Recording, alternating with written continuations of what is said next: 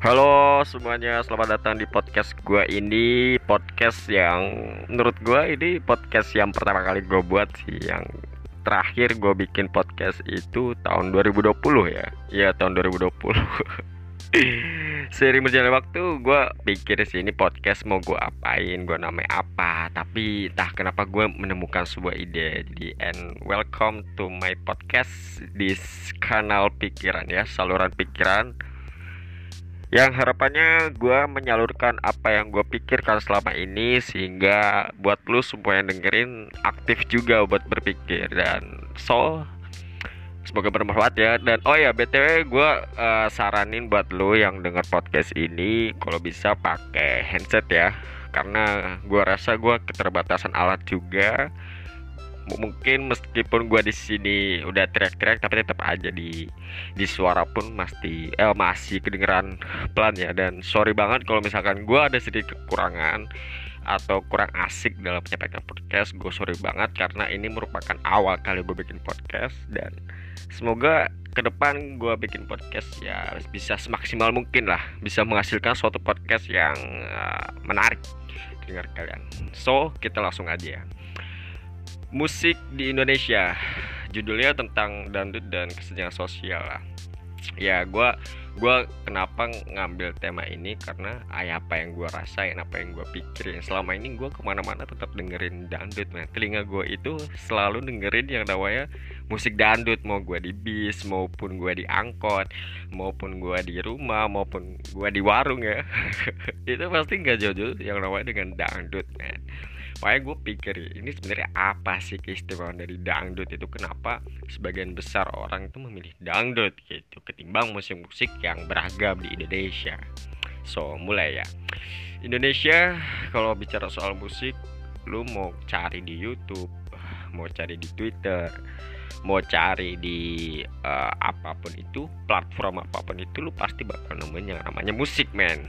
Dan pastinya gak jauh-jauh dengan yang namanya dangdut. Nah, lu tau gak sih sebenarnya pada zaman or Orba ya itu uh, terjadi sebuah kesenjangan, kesenjangan sosial, sorry, kesenjangan sosial antara kelas menengah dan bawah itu sangat tinggi men pada waktu itu.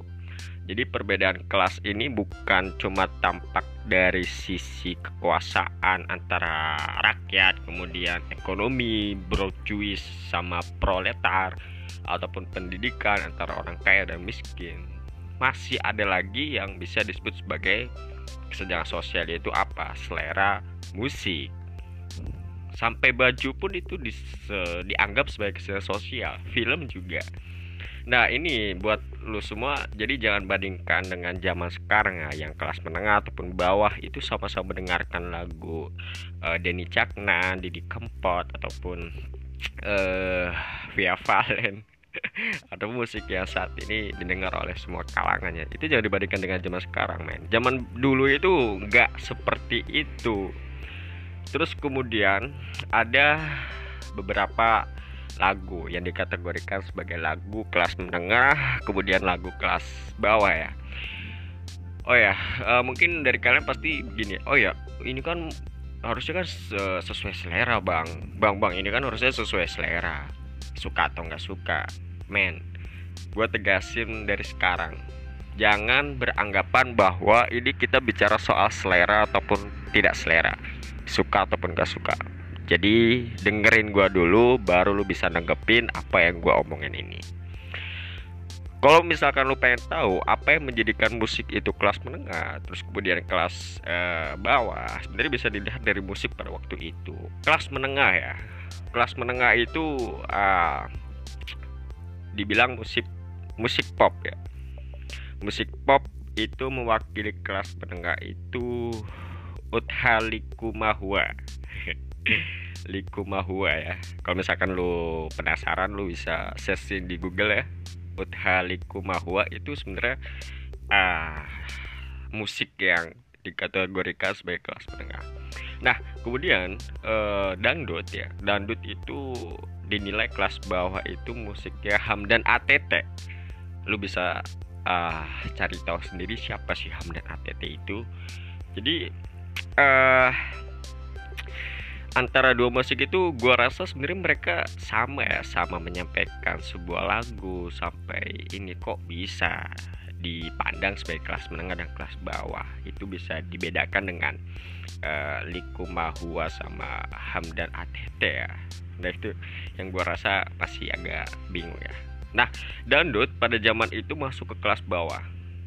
Jadi kelas menengah itu uh, mendengarkan pop Nah, ketika dangdut muncul ya pada awal 1970-an, dengan cepat musik ini itu diterima seluruh lapisan masyarakat. Kelas bawah, menengah sampai atas ya, sampai atas. Jadi pada waktu itu konser musik itu penggemar musik pop ataupun penggemar rock bahkan dangdut itu semuanya bercampur, men. Nah, kemudian ketika pada awal 1980-an, itu sebenarnya kelas bawah itu susah menerima musik pop kreatif. Musik kelas menengah itu sangat susah, men. Karena mungkin bagi mereka musik pop itu terlalu elitis dan kurang membumi ya. Sedangkan dangdut itu pengaruhnya luar biasa. Pengaruh lokalnya itu sangat kuat gitu. Karena dilihat dari penggunaan seluring bambu, kemudian kendang yang menurut mereka ya mereka memainkan dengan ah, alat-alat ya ciri khas sih ciri khas dangdut itu ya berbeda dengan yang lainnya gitu. Kemudian uh, sementara kelas menengah itu apa ya istilahnya itu menolak dangdut sih. Pada waktu itu menolak dangdut uh, karena merasa malu. Karena bagi mereka kalau ada kaset dangdut di rumahnya apalagi memutarinya mungkin mereka akan dicap sebagai deso, kampungan. Nah, ini yang bikin lo paham. Jadi jangan anggaplah kita bicara soal selera atau tidak selera ataupun suka atau gak suka ini kita bicara soal harga diri. harga diri sebagai uh, elit kelas ya. Kalau misalkan gue kelas menengah, gue nggak mau dipandang sebagai kelas bawah.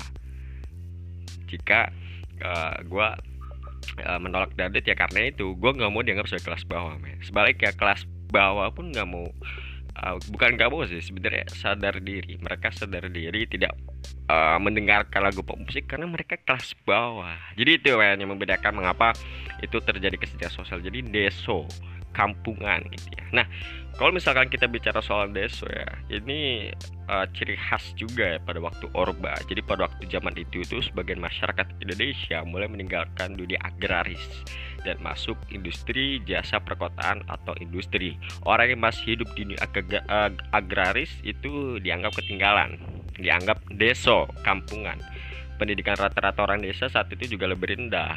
Jadi ya wong deso itu mereka bertahan di uh, dunia agraris ya. sedangkan mereka yang kelas perkotaan, kelas menengah itu meninggalkan dunia agraris, men.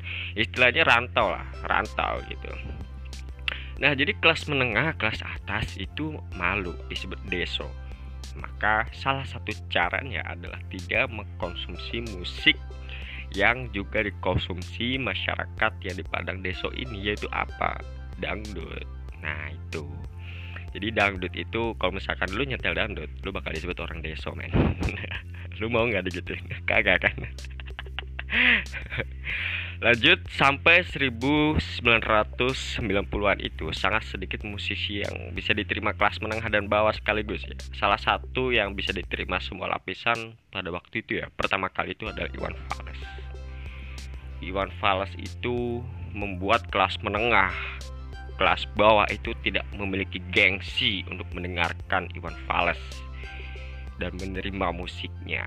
Slang juga bisa masuk kategori ini. Jadi slang dan Fals itu semuanya sama rata, semua bisa kena. Eh, maaf maaf, kalau semua bisa kena mah RKUHP. ini mah musik men beda sorry sorry sorry jadi Iwan Fals slang itu masuk semua yang antara kelas bawah dan kelas menengah dan kelas atas gitu tapi ada uh, musik lainnya ya itu susah banget diterima men. apalagi kelas bawah itu uh, susah sekali uh, apa ya susah sekali menerima kelas menengah gitu. Terus kemudian uh, dangdut ya. Dangdut itu bisa dibilang masuk kelas bawah. Jadi uh, dangdut itu kalau misalkan lu lihat di majalah pada waktu itu ya majalah Hai atau majalah gadis mungkin lu tanya ada orang tua lu yang hidup pada waktu itu. Itu dijamin men. Nggak ada yang namanya bahas dangdut itu nggak ada sama sekali. Jadi celakanya itu dangdut itu nggak hanya musik tapi juga memiliki uh, gaya sendiri yang khas dan kadang menjual syahwat dengan goyangan pinggul seronok uh, pinggul pinggul apa ya pinggul uh, nafsu terus kemudian dangdut mulai bisa diterima masyarakat uh, atas itu ya. Itu uh, waktu apa ya? Jadi dangdut itu bisa diterima kelas uh, atas itu waktu penyanyinya itu Ike Nurjana nah ini karena mereka berbeda dengan penyanyi dangdut lain. Ike Nurjana itu mereka uh, uh, berpenampilan sopan saat di panggung dan kemudian menjadi pemberitaan karena menikah dengan bintang pop Aldi yang namanya Aldi. Saat itu ya emang lagi tren-trennya gitu. Uh, Bragi ya nama bandnya itu Bragi itu berkesan sangat elit. Musiknya agak retro uh, mungkin salah satu idola remaja 1950 ya dan tiba-tiba saja salah satu anggotanya mereka dengan penyanyi dangdut. Jadi musik pop ada uh, salah satu ini ya salah satu anggota yang menikah dengan dangdut namanya Ika Nurjana jadi dari situlah Aldi Bragi itu memandang bahwa dangdut itu tidak kampungan. Nah ini penting untuk menaikkan harkat dangdut karena zaman itu artis seperti Aldi Bragi ini menjadi influencer yang sangat kuat untuk kelas menengah. Jadi sosoknya si Aldi Bragi ini mengajak untuk fans-fansnya di kelas menengah itu untuk uh, memandang bahwa dangdut itu tidak kampungan gitu. Terus kemudian kedua Inul Daratista ya lu lu semua pasti paham lah siapa sih si Inul tuh ya terkenal dengan ya lu pasti paham sendiri lah. Nah Inul Daratista ini emang goyangannya yang dipandang undang syahwat sih. Kemudian Roma Irama penguasa dangdut terus kemudian jadi raja dangdut terus kemudian banyak lagi. Terus kemudian Inul membuat usaha karaoke kemudian uh, cuman karaoke aja itu dikonotasikan dengan tempat hiburan mesum ya. Tapi Inul Vista itu mengubahnya ya. Jadi kelas menengah kantoran terutama yang masih muda itu bisa datang ke Inul meski mereka tidak memilih lagu dangdut di Inul tapi saya menduga ini uh, membuat kelas menengah itu bisa menerima dangdut. Jadi adanya karaoke itu bisa apa yang menerima kelas menengah untuk masuk ya. Tapi mereka tidak mendengarkan lagu dangdut tapi ya karaoke nya tapi kan karaoke nya kan dibikin oleh artis dangdut. Nah itu perlahan-lahan gitu. Terus kemudian di berita juga ada acara hibah nasional kemudian memotret penyanyi dangdut kelas atas terus mobil Alphard dan lain sebagainya. Ya itu yang kita rasain sekarang bahwa dangdut itu mulai bangkit men dari kesenjangan sosial itu gitu. Beberapa artis dangdut pun menunjukkan bahwa ini loh dangdut itu uh, berkualitas. Penyanyi dangdut itu punya mobil Alphard seperti Via Valen dan lain sebagainya. Nah ketika pada masuk era sekarang dangdut itu uh, makin populer makin ada perubahan makin dan semuanya pun bisa saling apa ya uh, saling tidak membeda-bedakan antara orang desa dan kota seperti dan seperti era Baru. Nah, itu pun ya terjadi pada pasca reformasi ya. Pada pasca reformasi semua hilang. Semua kesenjangan sosial hilang dan itu sama.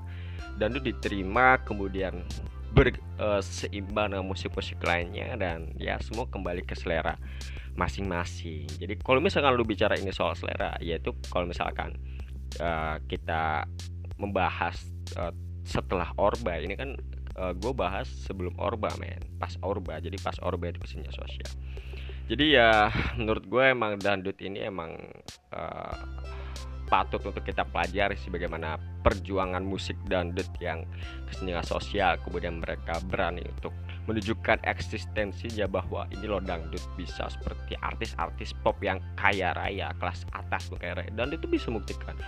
Via Valen, Denny Caktan dan sebagainya itu mereka menunjukkan eksistensinya. Uh, naik mobil Alphard kemudian punya rumah mewah uh, baju style yang harganya mahal diundang di acara televisi dengan bayaran mahal. Yaitu menunjukkan suatu potensi dari dangdut suatu apa ya istilah itu kekuatan dangdut itu muncul di saat-saat seperti ini. Nah jadi itulah alasan mengapa ya orang-orang mendengarkan dangdut karena ya dangdut itu sudah mulai sangat kuat men. Kita nggak tahu ke depan bakal musik apa yang bakal menguasai deretan Indonesia. Apakah tetap dangdut yang bertahan atau bahkan justru lagu lainnya atau DJ ya gue heran deh sama orang-orang sekarang itu lagu-lagu Inggris atau apa dijadikan DJ nah ini mungkin inovasi dari kelompok dandit So, and gue rasa itu sih yang menurut gue menjadi pertimbangan kenapa orang-orang jadi dandut. Oh, ternyata gitu. Ternyata dandut itu dulu merasakan yang namanya kesenjangan sosial sehingga saat ini pun dandut menunjukkan bahwa eksistensinya dangdut itu melebihi dari musik-musik lainnya dibuktikan dengan parah seluruh fans, seluruh orang-orang, seluruh lain sebagainya itu ya mereka menyetel lagu dangdut gitu. Jadi eh mungkin itu aja ya gue rasa yang gue pikirin selama ini. Terima kasih buat teman-teman yang sudah mendengar podcast gue. Gue harap lu dengerin sampai selesai lah jangan setengah-setengah lah tanggung gitu sampai selesai apa susahnya sih bro lah canda-canda Oke, gue rasa cukup ya. Sampai ketemu di podcast selanjutnya eh, dan sampai bertemu lagi di kanal pikiran, saluran pikiran. Gue bakal nyalurin apa-apa yang gue pikirkan buat lu semua. Tanggapan apa pun kalau misalkan lu butuh referensi yang gue bahas tadi, lu bisa DM di Instagram gue Nugi Nugraha hanya dua. Jadi see you, uh, I like you, and bye bye.